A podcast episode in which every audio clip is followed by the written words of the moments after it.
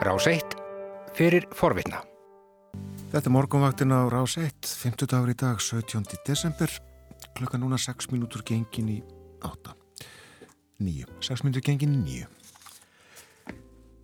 Við draugum frá stóra klukkanum, horfum út í heim, Bói Ágússon er komin í þáttinn, góðan dag og velkomin. Góðan daginn Björn og Þórun. Ég nefndi í kynningur hér fyrir morgun að uh, á dagskraf hjá okkur eru tvær nýja skýslur, norrennar, önnur dönsk, hins sænsk. Uh, við ætlum að tala um það hér rétt á eftir en byrja hins vegar í Rúslandi.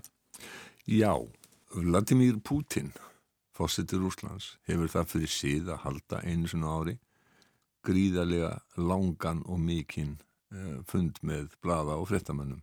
Og ef ég maður rétt að þá var þetta sendt í beinni útsendingu og við selt út á svo sem á sefni það er eistra eina af spurningunum sem mann fær. Það er nú já, það er nú æ, æði oft þannig að eh, svona miðlar hlýðhollir rúsneskum stjórnmöldum sem þeir eru 96% í Rúslandi eh, fá mikið plás en það er plás fyrir spurningar frá þeim sem ekki eru sérstaklega á vegum Pútins eru gaggrínir smá plás fyrir gaggrínar spurningar. Og það má búast því að í dag að þá fái hann spurningu um uh, skýslu sem að koma út á mándaginn eða nýðustöð rannsóknar sem að var fjallaði um tilræði við Alexei Navalny. Navalny er auðvitað einn helsti anstæðingur Rúslands fórsetta og rúsneskra stjórnmálda og uh, hefur beitt sér mjög já, í því að reyna að fletta ofan af spillingu í Rúslandi og hann á sér marga hattursmenn. Hann er engin sérstakur vinnur Pútins og Pútin er engin sérstakur vinnur hans. Í þessari rannsók sem var byrt núna fyrir vikunni og byrt á vefsíðunni Bellingcat þá kemur í ljós að, eða, það er því haldið fram að það hafi verið rúsneska leinið þjónustan FSB sem hafi eitrað fyrir Navalny.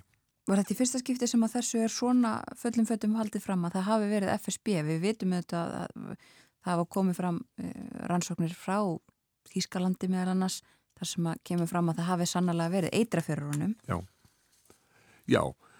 Það má svo sem segja það að, og því hefur verið haldið fram og, og sjálfur hefur Navalny haldið fram að uh, Putin hafi staðið að baki því að uh, það var eitthvað fyrir honum, það var þetta allræmda eitur Novichok sem var notað. Uh, sko að þessari rannsókn sem að byrt var á vefsíðunni Bellingat, það standa mjög margir rannsóknar bladamenn og fjölmiðlar. Þarna í þessum hópi eru til dæmis Spiegel og CNN sem að tóku þátt í þessari rannsókn. Og þetta var mjög umfangsmikið. Það, var, það voru borðnis sko, það var farið á hann í farþigalista á flugi í innanlandsflugi í Rúslandi og sko, mörg ára aftur í tíman til þess að sjá hverju það væru sem að væru að ferðast um leið og Navalni var að ferðast og þeir fundu það út að FSB og útsendarar FSB hafi verið þrís, í þrjú ár að minnst á kosti eh, að fylgja honum eftir í rauninni þegar hann eh, var að ferðast um Rúsland og hann auðvitað sem virkur stjórnmólamæður þá hefur hann farið títt og uh, þeir finna þarna út þetta minnstur og er ekki nokkur um vafa um það að það eru útsendarar FSB og mér sé að ganga svo langt að segja að það sé sérstök deild, morð deild innan FSB sem að uh, hafi borið ábyrð á þessu tilræði. Hvað sér? Nú fyrir þá sem ekki muna þá gerðist þetta þannig að þetta var í ágústmánuði og uh, Navalny var á kostningaferðalagi austur í Sýberju hann var þar í uh, Omsk uh, borginu Omsk. Og uh, svo á leðinni heim í flugvel þá veikist hann hastarlega, nei fyrir ekki þetta var Tomsk sem að það sem að var. Og hann veikist hastarlega í flugi og flugmennir ákveða að lenda í Omsk Uh, og þar er hann lagður inn á um, sjúkrahús, fer þar inn á, á bráðadeild og uh, læknar þar, það kemur strax upp grunur um það að hér séum að ræða eitrun. Læknar þar segast ekki finna eitt eða neitt. Það vakti líka aðtikli um leið og vélin er lent þarna og hann er komin inn á sjúkrahúsið og þá fyllist alltaf leinþjónustumönnum á spítalunum. Tveimur, þreimur dugum setna er Navalny, eða allavega nokkur dugum setna, er Navalny lift að fara á eh, háskóla sjúkrahúsi Charité í Berlín? Og þjóðurinni buði þetta strax. Þeir hafa mjög góðar aðstæður og reynslu í að fástu svona mál. Og þar slá læknar því förstu að hann hafi verið orðið fyrir eitur byrlun mm. og, og rússar sögðu alltaf nei, nei, nei. Og svo þegar að það var eiginlega orðið algjörlega að ljósta það væri ekki hægt að neita því að þetta var nóisokk að þá sögðu þeir að hann hefði fengið einhverstur annar staður og, og um, einhverju aðri bæri ábyrð á þessu eh, ekki rúsnesk stjórnvöld. Og svo var meiri síðan hald, því haldið fram að, að eh, hann hefði fengið og hún hefði verið byrlað eitrið í Þískalandi og svo er eh, Navalny sakaður um að vera útsendari og handbendi bandarísku leinþjónustuna CIA Þetta sagði Dimitri Peskov, talsmaða kremlastjórnar uh, fyrir höst. Sergei Lavrov, utanrikiðsáð þegar hann sagði í síðasta mánuði að það væri full ástæða fyrir, til, til þess að ætla það að, að það hefur eitað fyrir Navalni í Þískalandi. Svo var uh, Lavrov á ferð núna í Kroatíu og þar gaf hann út að viðlýsingu hann sagði að við varum orðinir, við erum orðin vun því að eh, bandaríkin og önnur vestræn líðræðisríki þeir bara gefi út yfirlýsingar í, í fjölmiðlum með ásökunum sem er beint á rússum sem ekki eiga sér stóð í, veruleikanum. Og það skiptir ekki máli hvort það er eitthvað um einhverja hakkara sem eiga hafa brotist inn í talvikerfi á vesturlöndum eða eitthvað eh, sem að er með ásökunum um það að það hefur eitthvað fyrir Navalny og svo sann að, að þetta eigi sér ekki nei, neina stóð í verileganum. Heyrum aðeins í, í hínum djúbradaða Sergei Lavrov. И мы уже привыкли к тому, что Соединенные Штаты, да и другие западные страны просто объявляют в средствах массовой информации об очередных обвинениях в адрес России, будь то хакеры, будь то какая-то сенсация про двойное и даже тройное отравление Навального. Þetta var Sergei Lavrov. Já. Hann hefur auðvitaðriksráð þeirra Rúslands í 16 ár. Já, hann er búin að vera lengi þar að vísa ekki alveg jafn lengi og Latimir Putin en um, það er uh, skipt oftar um utan ekki sá þeirra víðast hvar annar staðar heldur inn í Rúslandi mm -hmm. og hann er trúr sínum húsbændum mm. Við gætum haldið áfram að tala um þetta eh, við fylgjustu þetta bara með þessum fundi í dag og eh, ræðum ábyggilega um Putin og Navalny síðar en ef eh, að færa okkur aðeins nær og ræða Inger Stauberg málið eins og það er kallað í Danmörku Jú, það er Inger Stauberg fyrirverandi ráð þeirra innflytjendamála í Danmörku sem að eh, var nú eh, mjög í fréttum vegna þess að hún var óin í hörð í hórn að taka gagvart eh, innflytjendum og sko hefur umdild verulega lengi. Hún til dæmis já hún let herða mjög allar reglugerðir varðandi innflytjendur og flotta fólk og uh, þegar hún var búin að herða reglugerðinar í 50 sinnum þá let hún baka köku og, og byrsti mynd af sér á samfélagsmiðlum uh, þar sem að uh, hún og fólki í ráðunitinu var að borða kökuna þar sem stóð á 50 og það var til þess að minnast þess að hvað hún hefði verið dugleg að, að herða reglugerðir til þess að eh, reyna að fækka því fólki sem geti komið til Danmarkur. Sérstókstemning. Já, það er sérstök stemming, hún, hún hérna líka hvati danska muslima til þess að taka sér frí í förstum mánuðum Ramadan vegna þess að það geti haft slæm áhrif á, á fólk að vera úti í samfélaginu á fastandi maga uh, og uh, hún, eina af þessum nýju reglum var líka að uh, allir þeir sem að fá ríkisborgar eftir Danmarku þeir eru að taka í höndin á ennbætsmanni, mm -hmm. snerta ennbætsmenn og það gengur svona misjaflega vel í sund fólk og kannski konur, muslima sem að í þeirra hópið er það kannski, þykir það kannski ekki sérstaklega viðegandi að, að taka í hönd eða snerting fólks af gagstæðu kyni er, er, er ekkit við ókunnuði sko, er ekkit sérstaklega vel liðin.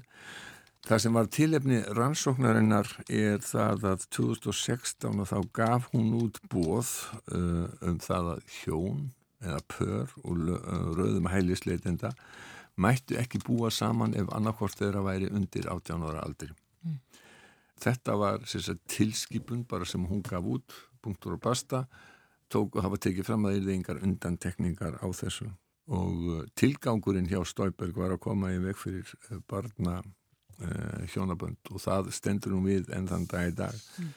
vandamálið var það hins var að hún var vöruð við í ráðanitinu að hún gæti ekki gefið út algilda tilskipun það yrði að fjalla um hvert og eitt mál fyrir sig. En hún stóð á því alveg hörð að svona yrðu hlutinu spurningi var, máttu þetta? Var þetta löglegt eða ekki? Og Það er skipur rannsóknunem til þess að fara ofan í þessi mál og rannsóknunemdin er búin að skila áfanga skíslu núna.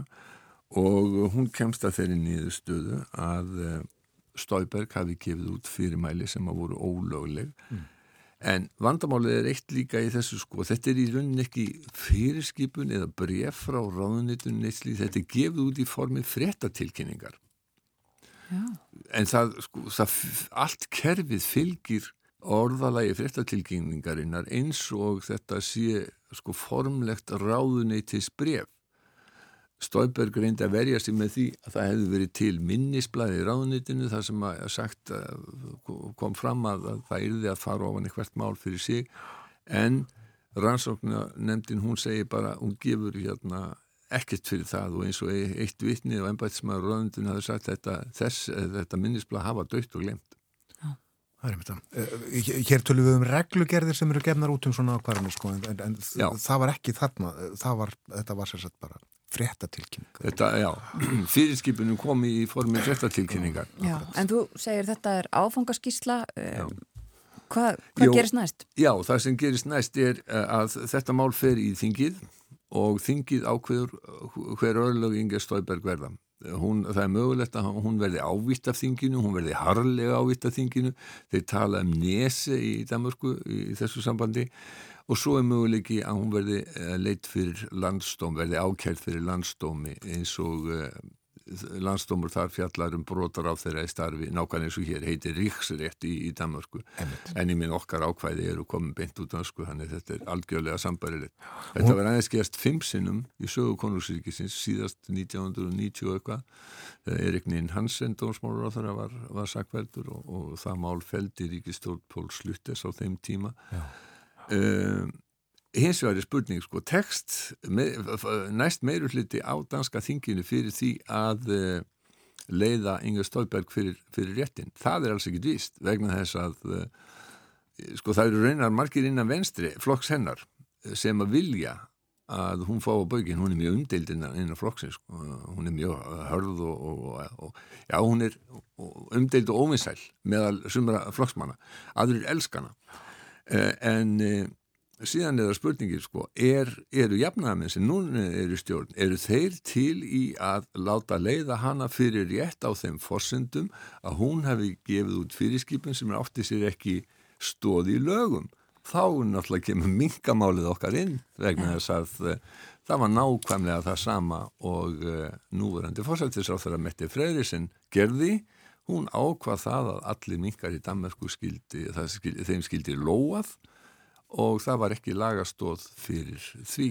Emmeit. og síðan til þess að, að skera sig niður úr snörinni að þá hengd hún bakara fyrir smið og, og, og Ragmógens Jensen úr, úr ríkistjóðinni hún skákar í því skjólinu að það stuðnisflokkar hennar vilji ekki fara í kostningar e, núna þannig að hún sleppur. Þannig að þetta er ekkit mjög einfalt mál. Að vera mjög gaman fyrir áhuga fólkum um danska, dansk stjórnmál að fylgjast með þessu áfram. Já, sannarlega. Eða við rétt í lokin að tala um aðra skýslu sem kom út í Svíþjóð? Já, það var, það var skýsla sem er skelvileg vegna þess að þetta er mikil áfællstómur yfir sænskum stjórnvöldum, núverandi og fyrverandi ríkistjórnum og við getum sagt stjórnvöldum á öllum stjórnsýslu stigum í Svíþjóð. Mm. Svíjarnir höfðu það að stefnu þegar að uh, veirufaraldurinn byrja að uh, breyðast út að uh, verja hérna gömlu en svo voru þeir eiginlega að hugsa um sko ok, við látum bara aðra að síkjast þeir, þeir eru ekki eins mikill hættu en þetta mistóst skjálfilega. Mm -hmm. Mest stærstur hluti þeirra sem að hafa dáið í Svíþjóð er fólk sem er yfir 70 Þetta hefur ekkert gengið hjá þeim og svo sjáum við núna í nýjum konunum að eh, tröst svíja á stjórnvöldum það hefur snar minga núna og Anders Tegnell, sóttvarnarleiknir sem var mikil heitið þarna uppaði hann, hann, hann nýtur ekki lengur þess tröst sem hann gerði. Það er kannski dálti sláandi að heyra í uh, þeim manni sem var uh, formaður þessari nefndar Mats Melín þegar hann segir ríkistjórnirnar, eða ríkistjórnin ber ábyrð, hún stjórnar landinu. Við heyrum í Mats Melin. Regeringen styr riket och därför vilar det yttersta ansvaret på denna regering och tidigare regeringar som har känt till de här bristerna. Regeringen borde ha vidtagit sådana åtgärder att äldreomsorg, att man botade de här bristerna och att äldreomsorgen då skulle ha stått bättre rustad inför pandemin. Hann er, við sem kannski ekki mjög skiptin, þarna er hann mjög ómyrkur í máli.